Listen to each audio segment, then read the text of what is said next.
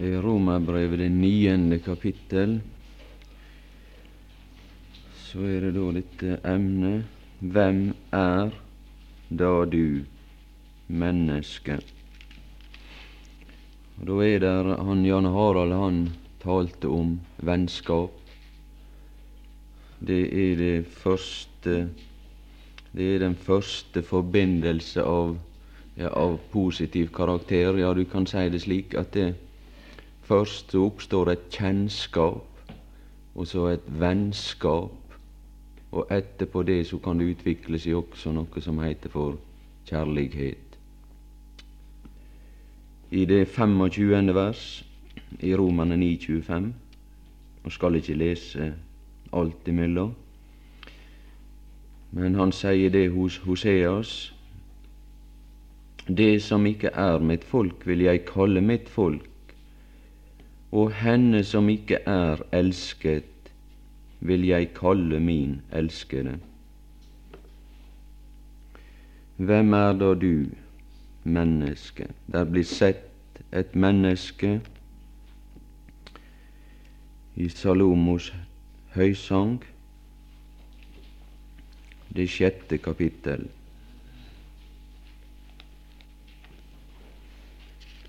Og det tiende vers.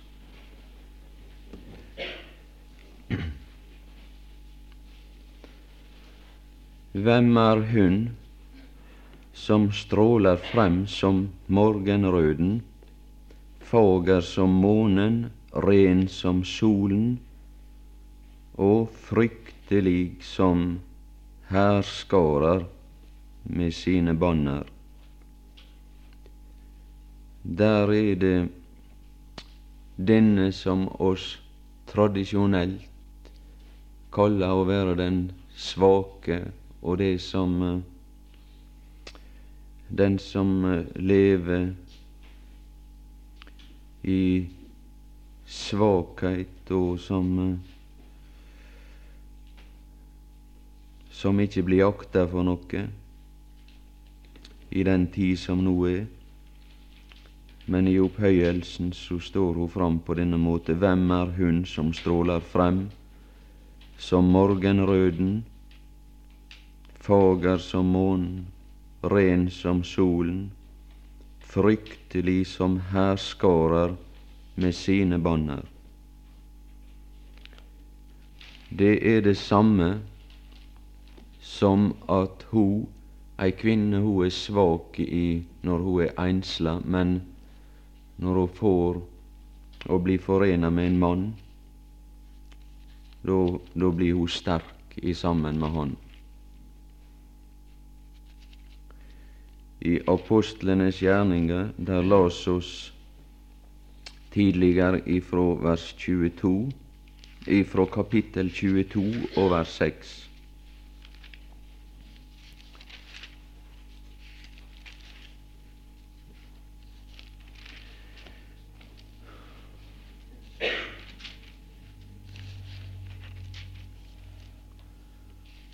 Og det var det syn som Saul så.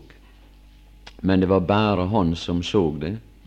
Og det er ikke et syn som egentlig skal åpenbares før at bruda blir synlig i sammen med Kristus. Når de frelste blir åpenbart med Han og viste fram ved Hans komme når han endelig en dag viser fram den som han elsker, og det som hun er blitt til. Men Saulus fikk dette syn allerede på et tidlig tidspunkt, og det var med på å forandre hele hans liv og hele hans situasjon. Og Paulus han er den som da ble gitt denne sannhet å forkynne det som var ei hemmelighet ifra evighet av. Gud hadde ei hemmelighet, det var Kristus, det var Guds sønn. Men så var det Sønnens hemmelighet, og det var menigheten. Og som et grunnlag for å ta imot denne åpenbarelse, så så Saulus ifra Tarsus hinna når hun har blitt til det som hun skulle bli, åpenbart ifra himmelen med sine banner. Og det var et syn som la grunnlag for at han skulle motta denne åpenbarelse og skrive det som er åpenbart om Kristus og menigheten. Og det som han sier her, når han falt til jorden, Saul, Saul, hvorfor forfølger du meg? Jeg svarte, Hvem er du, Herre?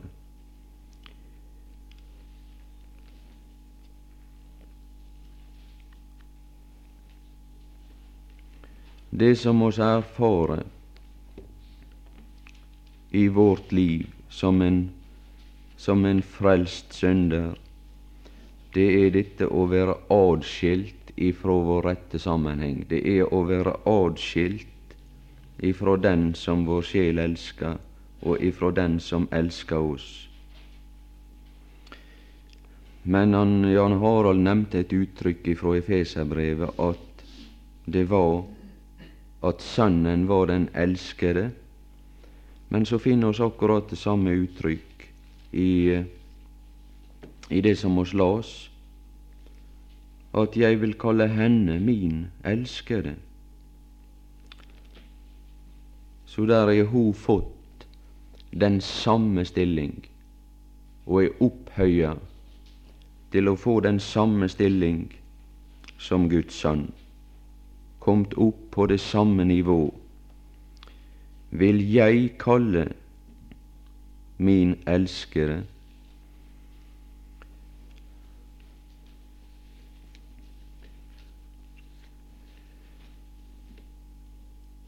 i Salomos høysang det åttende kapittel og femte vers.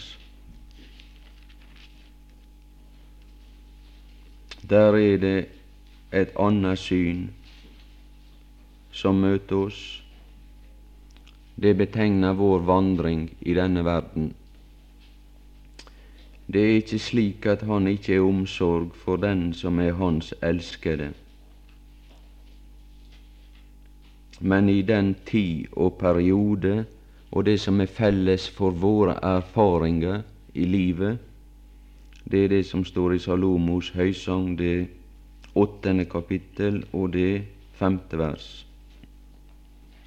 Hvem er hun som kommer opp fra ørkenen? Det var omtalt det at de troende og Guds folk de hadde et opphold i Egyptens land for å vokse og for å kunne få en, ei erfaring og en oppdragelse som kunne komme oss til gode på et seinere tidspunkt. Men så er de også i en ørken, og det eneste som, som der er, det er det at han er der på en måte. Hvem er hun som kommer fra ørkenen, støttende seg på sin elskere? Og det eneste støtte og hjelp og oppholdelse som blir erfart her, det er det, det er, det er Han støttende seg på sin elskede gjennom denne ørken.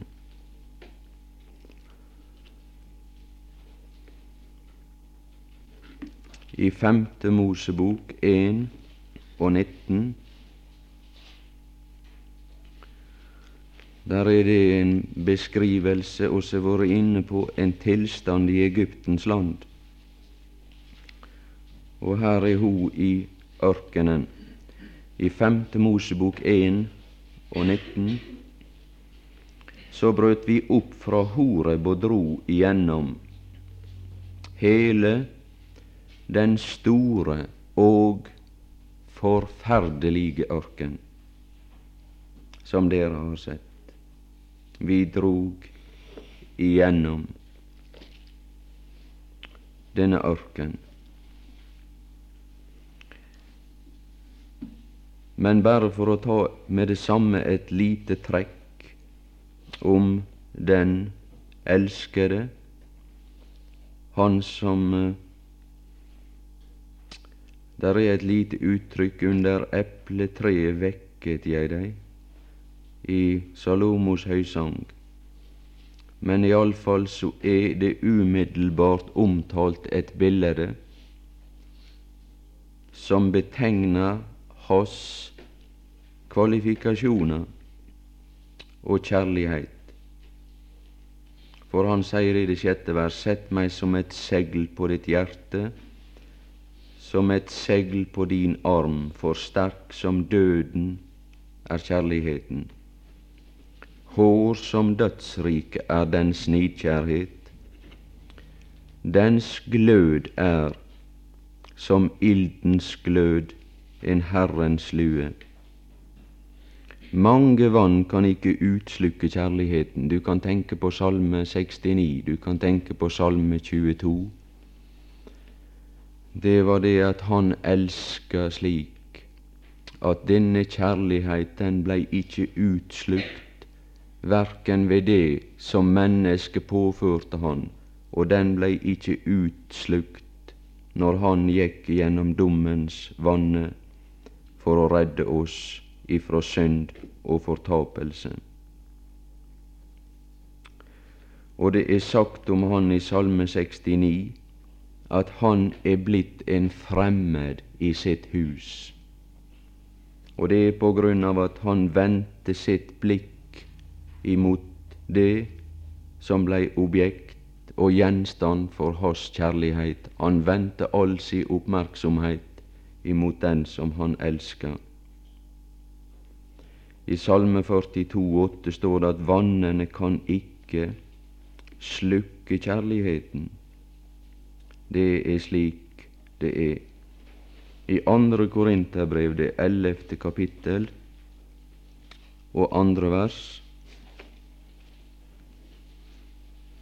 der er Paulus brukt dette bildet. Han som er gitt spesielt å take opp læra om Kristus og menigheten. Og i Efeserbrevet er det omtalt som et menneske, det oss tidligere vært inne på. I 2. Korinterbrev 11 og 2, og der står det dette uttrykk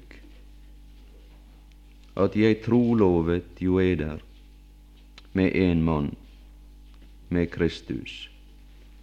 Trolovet er der med Kristus. Og det som blir det første som skal skje, og som oss venter på, og som er det, det salige håp, det finner oss et lite glimt av i et bilde i Første Mosebok 2465.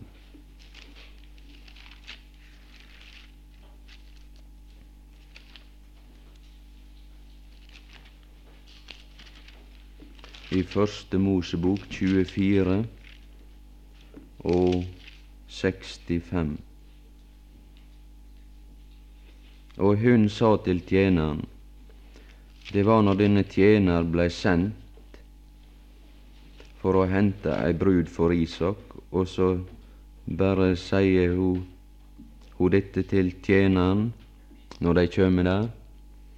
Så er det en som kjem dei i møte. Det er det som står i vers 63, at Isak gikk ved aftenstid ut på marken. Og da han så opp, fikk han se noen kameler som kom gående. Denne ørkenreis, den var slutt, og så bare løfter hun sine øyne og ser hvem er denne mann som kommer oss i møte på marken. Tjeneren svarte, Det er min Herre. Det er min Herre. Og det var ved aftenstid at de kom. Og på en måte så skal oss bare erfare det, at det mørkner i denne verden. Og uh, og han skal redde sin due bort ifra denne verden. Den som er gjenstand for hans kjærlighet.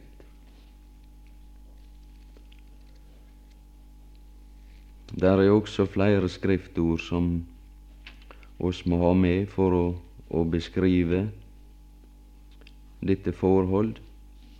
I første kongebok ti og det fjerde til det sjuende vers.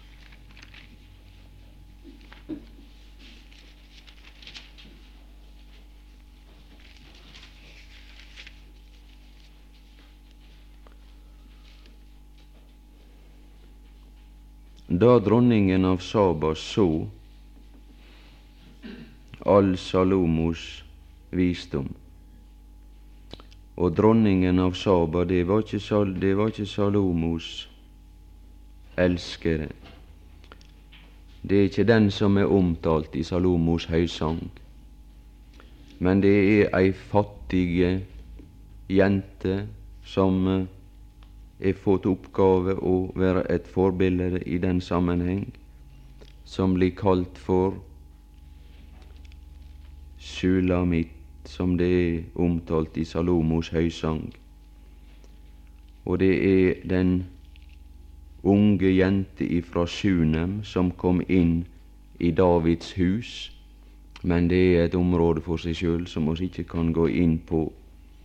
Og der blei ei intrige i Davids hus, et sjalusidrama, og all oppreist det dreier seg på en måte om nettopp denne kvinne.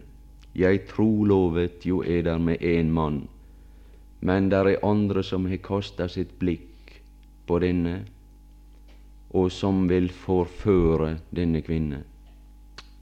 Jeg trolovet jo er der med én mann, med Kristus, sier Paulus. Men iallfall så får hun et glimt av det hus som han hadde bygget. Da dronningen av Saba så all Salomos visdom, og så det hus han hadde bygget, og rettene på hans bord, og hvorledes hans tjenere satt. Og det er oss på én måte, men eh, den erfaring som oss gjør i vår tid, den har denne karakter med å være hans tjener, og med å være hans venn, og med å være under oppdragelse på forskjellige vis, og om å være sønn av Faderen, og om å bli behandla på forskjellige måter. Men jeg skal si deg det at lærer ikke også naturen, og det naturen lærer, det er det at ei jente som vokser opp i et hus, så har far til denne jenta han har ansvar for å oppdrage henne til å bli ei god kvinne. Og hun er oppdragelse på forskjellige måter. Men når det kjem en og blir forelska i denne, så blir han så svak at det eneste han gjør, det er å elske henne. Han bare elsker henne resten av livet. Ingenting annet. Jeg hører en som fortalte det han har blitt forlova med ei som var 17 år. Og da tenkte han det hun var så ung han skulle få oppdraginga skikkelig.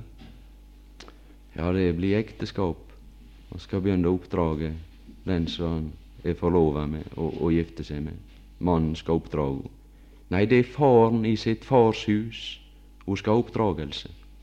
Og det eneste han gjør, det er at han elsker denne som er kommet i denne stilling. All oppdragelse er slutt. Denne tid er forbi. Alle prøvelser, alle erfaringer som sådant. Det er bare et uttrykk for den som han elsker, og som han er svake for, og som skal opphøyes sammen med han. Det er det eneste dette bildet gir uttrykk for. For å herske sammen med ham. Det er slik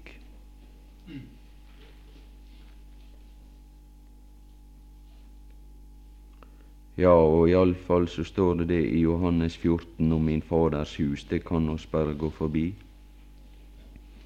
Men i Salme 45, der er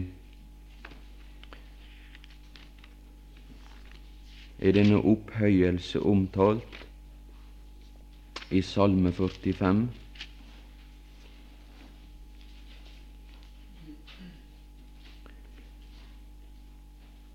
Din trone, Gud, står fast evinnelig og alltid.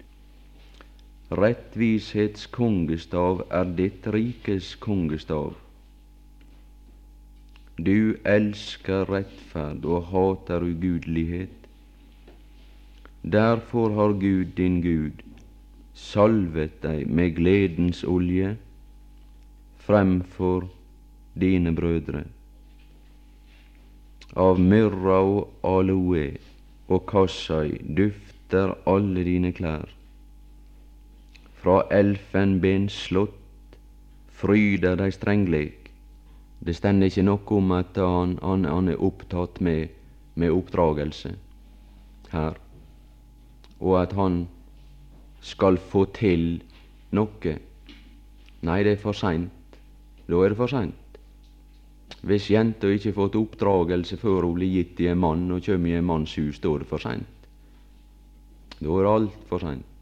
Det er far, faren sin plikt, og det er jeg sjøl så er oss bare brødre i vårt hus, og jeg har så lite forstand på eh, Jeg veit ikke hvor mye jeg skal si på jenter. Jeg har ei søster som er, som er mye eldre enn meg.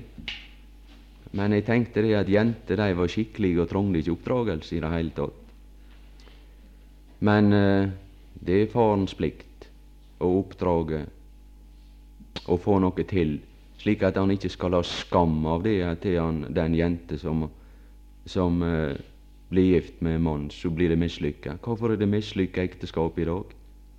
Ja, det er ikke oppdragelse, det er nå iallfall én ting. Det er så mye som kommer inn. Alt er ødelagt i naturen som skal vitne om Kristus og menigheten. Det er det som er tilfellet. Nei, her er det opphøyelse. Av myrra og aloe og kassai dufter alle dine klær, fra elfenbenslott fryder dei strengleg.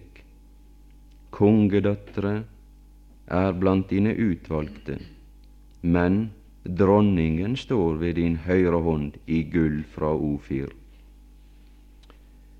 Ja, det er det det vil bli. Det er gull fra Ofir. Det er smykke og det er prakt som kjennetegner denne. Hvem er hun som stiger fram med sine banner? Fryktelig å se til, som hærskarer med sine banner. Der er et mektig inntrykk. Der er ikke inntrykk av svakhet lenger i forbindelse med denne. Der blir et inntog i seier og i triumf, i sammen med sin konge og sin brudgom og sin Herre, Han som min sjel elsker. Det var det som var med denne bondejente Salomo. Han er et merkverdig fenomen på mange vis. Og eh, jeg må si at han må være litt forsiktig når han omtaler slike ting. Men iallfall det som forundra alle, det var at hans kjærlighet den falt på ei fattig bondejente ifra Sunem. Sort er jeg, men yndig. Og hvem er det som vil ta på seg å forklare hvor et forhold kan oppstå? Ja, det kan skje det mest utrolige, det er ikke den beste, det er ikke den som har beste forutsetninger, som er best kvalifisert, og som er slik og slik. Det er bare den som han kommer til å elske. Ikke råd å forklare det på annet vis. Og så kjenner han på jeg må øsle med min kjærlighet over den som det kanskje ikke er noen grunn til å elske. Og så kaller han den min elskede. Og i Romerbrevet 9 det som var sitert ifra Hoseas, så er det nettopp det som kommer til uttrykk, at han sier det. Det som ikke er mitt folk, vil jeg kalle mitt folk, og henne som ikke er elsket, vil jeg kalle min elskede. Ja, hele Salme 45 omtaler litt av, av dette inntrykk. Og denne triumf i Salme 24 og fra vers 5 eller 6 Ja, det han er omtalt, skal motta velsignelse fra Herren og rettferdighet fra sin frelses Gud. Dette er deres ett som spør etter ham, de som søker ditt åsyn. Løft de porter eders hoder. Løft eder i evige dører, så herlighetens konge kan dra inn. Hvem er den herlighetens konge? Det er Herren sterk og veldig, Herren veldig i strid. Løft de porter i deres hoder, og løft i der evige dører, så herlighetens konge kan dra inn.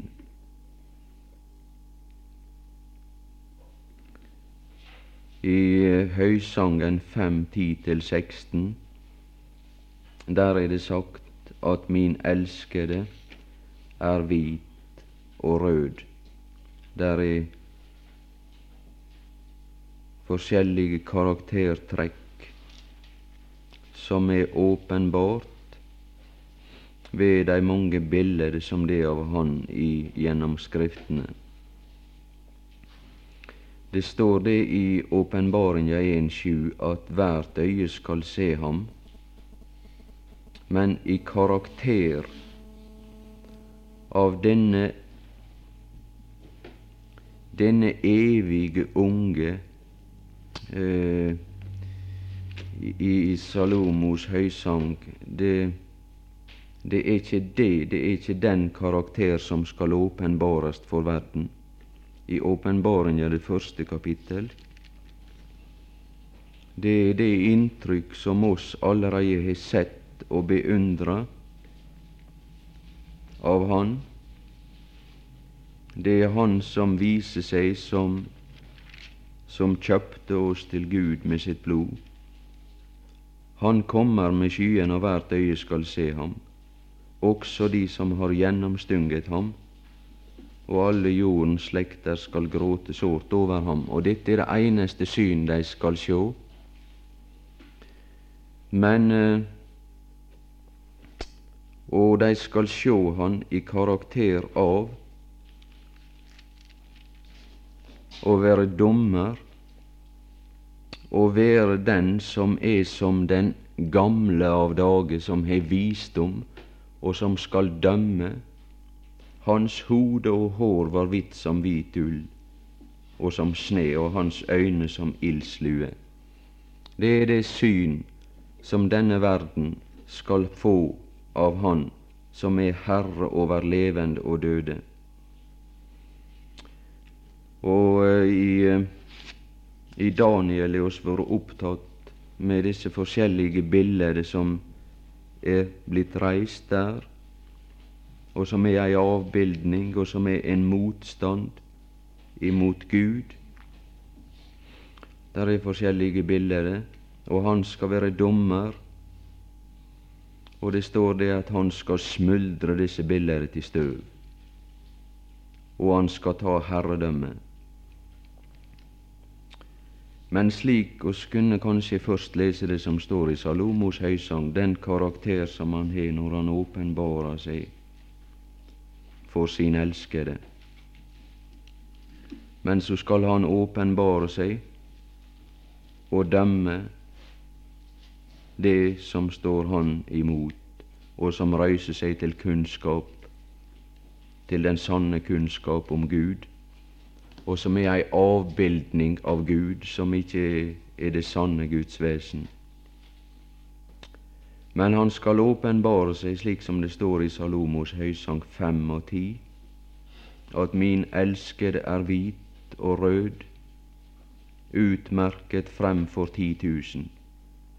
Og her skal jeg si det at det ikke det er ikke mye preg av elde og av det som er ødelagt, og slik som han var i striden, og slik som han var på Golgata.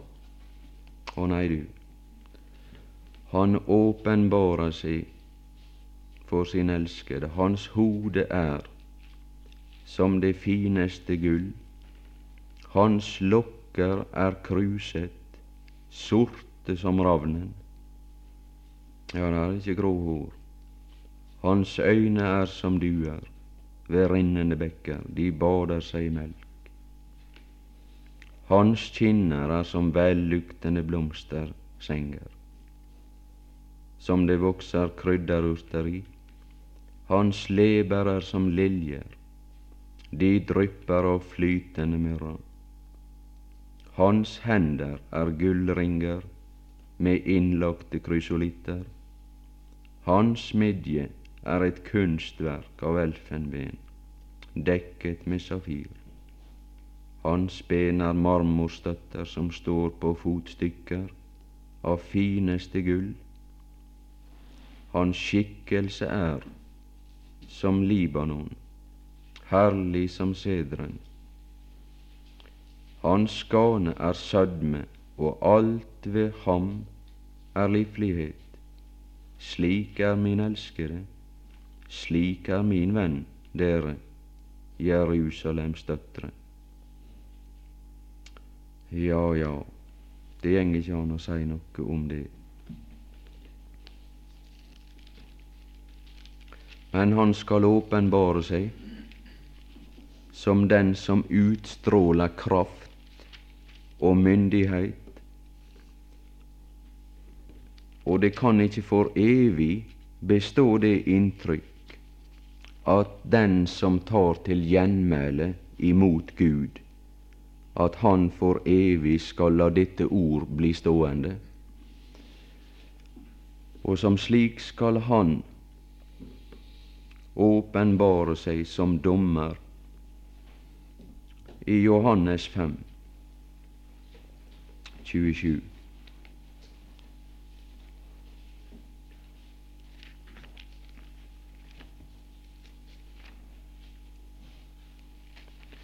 i Johannes 5, 27. Og han har gitt ham makt til å holde dom, fordi han er en menneskesønn, fordi han er et menneske. Det var det som ga han kvalifikasjoner til å dømme mennesket, det var at han var et menneske. Når det var sagt til det første mennesket at du skal råde, og han skulle herske, og han skulle dømme og være en dommer i denne verden, og sete på trona over skaperverket, så tapte han sin autoritet. Men så er det han som har denne kvalifikasjon at han skal holde dom, og han skal stige fram og gjøre ende på all motsigelse imot Gud for alle evigheter. For hvis det skal gå an å leve i fred og harmoni, så må det skapes omgivelser som er slik at det ikke blir en motstand imot Gud. Det må ikke være noe som forstyrrer freden i dette hus for den elskede og den som han elsker. Og derfor så skal han holde dom, og han skal rydde opp i alle ting og forhold. Det er mye som kan komme inn og ødelegge en god heim. De kan få spetakkel med naboen, og det kan bli det ene og det andre. Det kan bli sladder på bygda og kjem inn falske rykter, og derfor så er Gud avhengig av vi må opprette en fullstendig ro og orden, slik at denne idyll kan vare i all evighet. Det er det som er.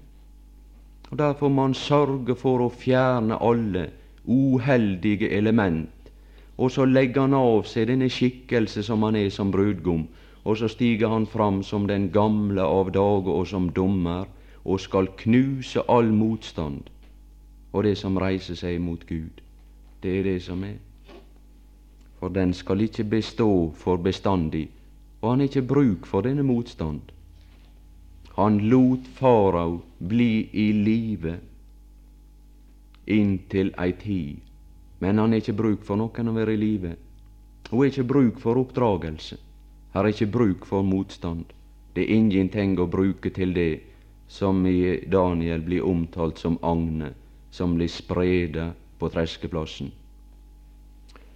Og derfor så skal han kle seg i denne kledning som han, som det er omtalt, han som kommer fra Edom i røde klær.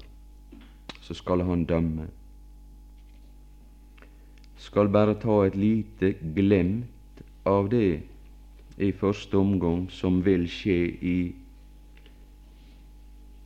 slik som problemet er i den tid som oss lever. I Markus evangeliet 1, 24.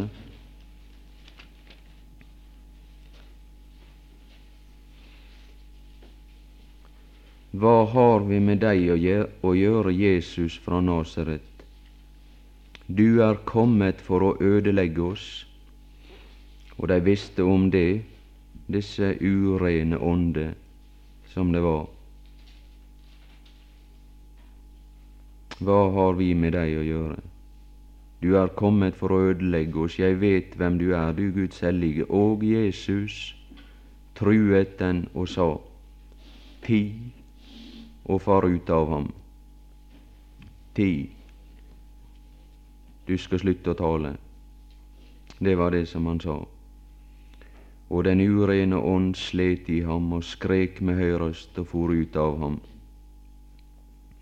det var dette mennesket som talte, og det var en motstand imot Gud. Det var denne urenhet, og så sier han det er tid å fare ut av ham. Men det var mange andre, det var mer et lite inngrep og ei lita domshandling i forbindelse med at han måtte ha fred for den virksomhet som han utøvde, bare på en liten plass i denne verden. Men jeg skal si det, det at han skal tale, og enhver munn skal lykkes av disse. Hvem er da du menneske som tar til gjenmæle mot Gud? Ikke på et lite område, ikke i Israel, ikke i ei bygd, men i alle troner, alle herredømme, alle områder, så skal han tale tid og vær stille. Enhver munn skal lukkes for all evighet, og ingenting skal opponere imot Guds trone. Og Han er makt, kan bare henvise til Matteus 9, 5-8, men vi skal ikke gå dit. Og det er det som er det merkverdige, at eh, ja, i apostlenes gjerninger er noe som er interessant, men eh, ja, kanskje bare se flyktig på det. I apostlenes gjerninger 19 og 13 til 16 kan jeg iallfall se et forsøk på å rydde opp. Apostlenes gjerninger 19, 13 men også noen av de jødiske åndemanere som for omkring, tok seg for å nevne den Herre Jesu navn over dem som hadde onde ånder, og sa:" Jeg maner eder ved Jesus, som Paulus forkynner. Det var noen sønner av Skeos, en jødisk yppersteprest, syv i tallet, som gjorde dette. Men den onde ånd svarte dem:" Jesus kjenner jeg, og Paulus vet jeg om, men I, hvem er I? Og mannen som den onde ånd var i, sprang inn på dem og vant på dem begge to, og overmannet dem, så de måtte fly nakne og sårede bort. Ja, ja, men jeg er glad for at det er en som ikke har tapt sin autoritet. Han har ikke tapt sin autoritet. Hans ord har ikke tapt sin makt og sin innflytelse.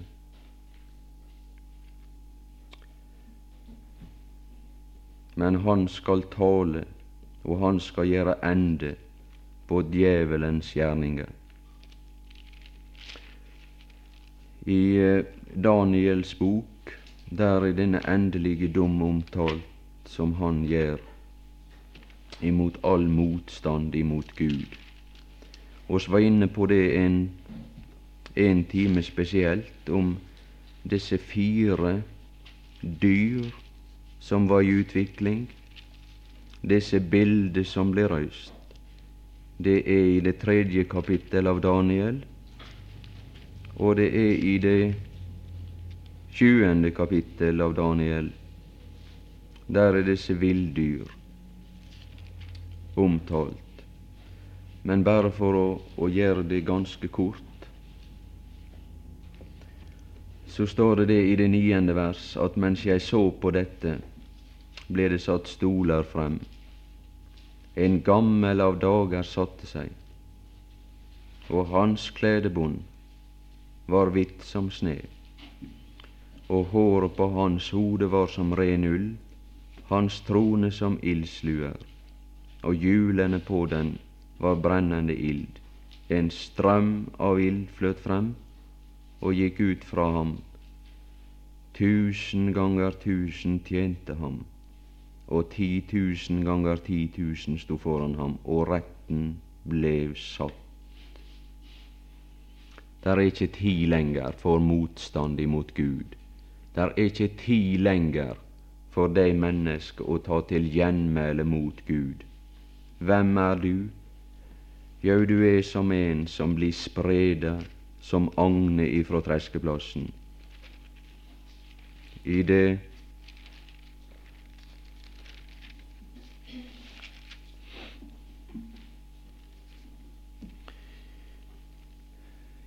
I det andre kapittel mens du så på bildet, ble en sten revet løs kan bare referere det, og rammet billedene på føttene. Det er dette mennesket, det er dette bildet som blir knust, det er denne motstand, det er farao som blir knust.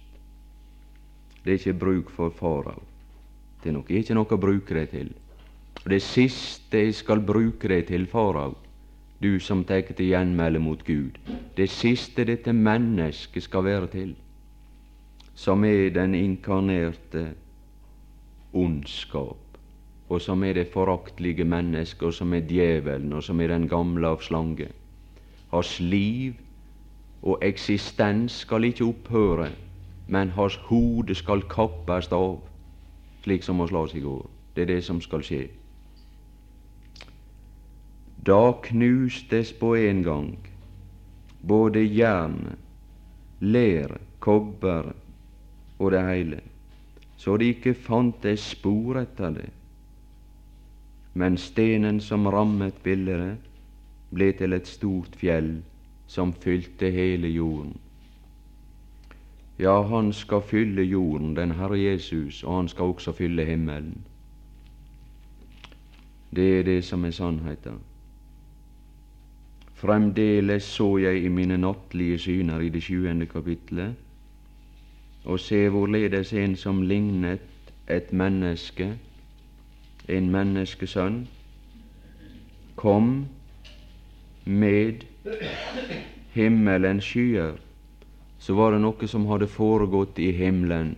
Det var ei forening av disse som hører sammen. Og han gikk bort til den gamle av dag og ble ført frem for ham og det ble gitt ham herredømme og ære og rike, så er det gjenoppretta fallet, og ikke bare å være herre på jord. Og det er ikke Adam og Eva som er herre. Den første Adam og den første kvinne, men det er den andre og den, det, an, det annet menneske, og det er, den, det er den siste Adam, og det er den som han har vunnet til si brud, som er herredømme i all evighet. At alle etter og tungemål skulle tjene ham, hans herredømme er et evig herredømme som ikke forgår, og hans rike, det er et rike som ikke ødelegges, og der skal aldri bli forstørrelse i forbindelse med det hus som han bor, og den trone der som han sitter. Han skal herske i all evighet.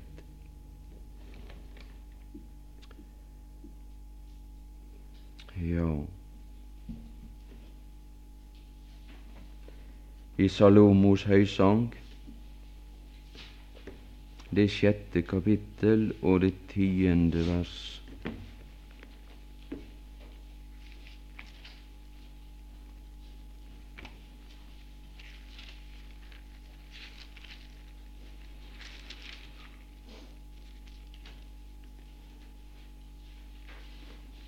Hvem er hun som stråler frem, fager som morgenrøden, og fager som månen og ren som solen, fryktelig med sine banner? Ja, det er hun. Kan er det? Det er den som i det trettende vers er omtalt som Sulamit det er Hans elskede. Det er Han som, som han fatter kjærlighet til, og det er Han som han vann som han vant seg ved sin kjærlighet. At vi elsker fordi Ham elsket oss først. Og det er det som er der, at det er en Der står det tale om hva vil dere se på Sulamit?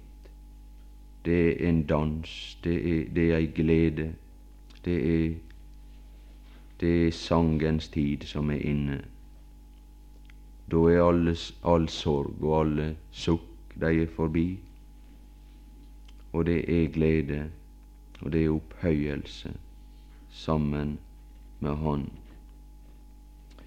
Det er det som er igjen og det er det som er vårt håp, de saliges håp.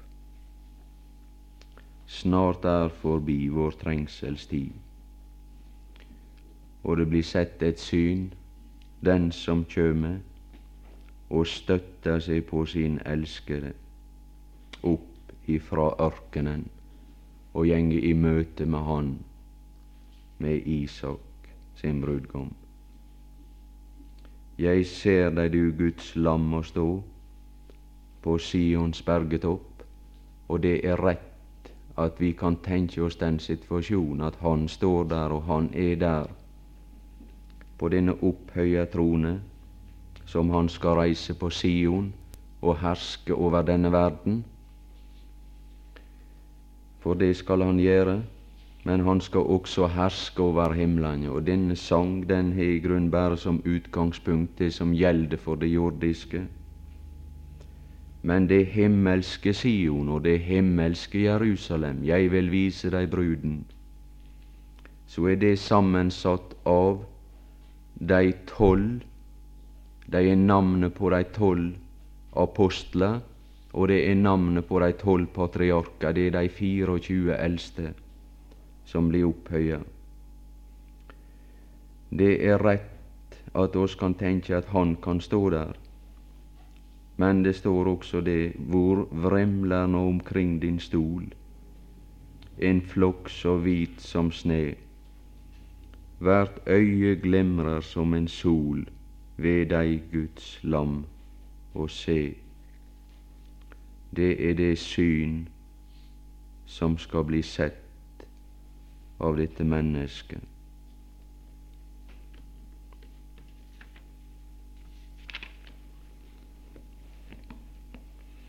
Ja, Herre, du må ta det av oss alle, og være med oss når vi skal skilles på, på denne, ifra denne plass, og, og gi velsignelse og nåde og opply, opplysning, så vi kan forstå hvor rik på herlighet vår arv er, og hvor og forstå det håp som du har kalt oss til, og over denne dragende makt på oss.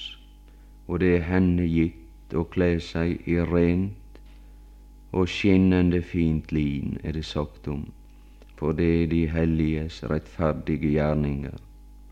Det er henne gitt å gjøre seg rede. Og jeg har så lite forstand på å tale om dette, Herre, for jeg forstår det så lite, men der er ei prøvetid ei forlovelsestid. Det er noe som naturen lærer oss. Og for oss så er det å vente på vårt salige håp. og Oss erfare virkninga av denne store og forferdelige ørken. Oss erfare virkninga av å være under faraos herredømme til ei tid men så er det også gitt oss erfaringer av den sødme som det er i løftets land.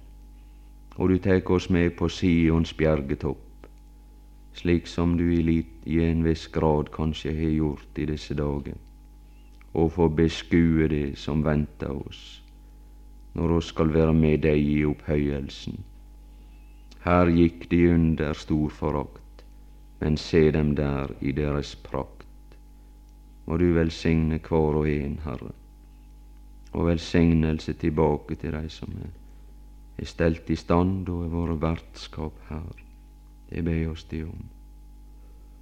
Vi tar de av oss alle og evig takk. Amen.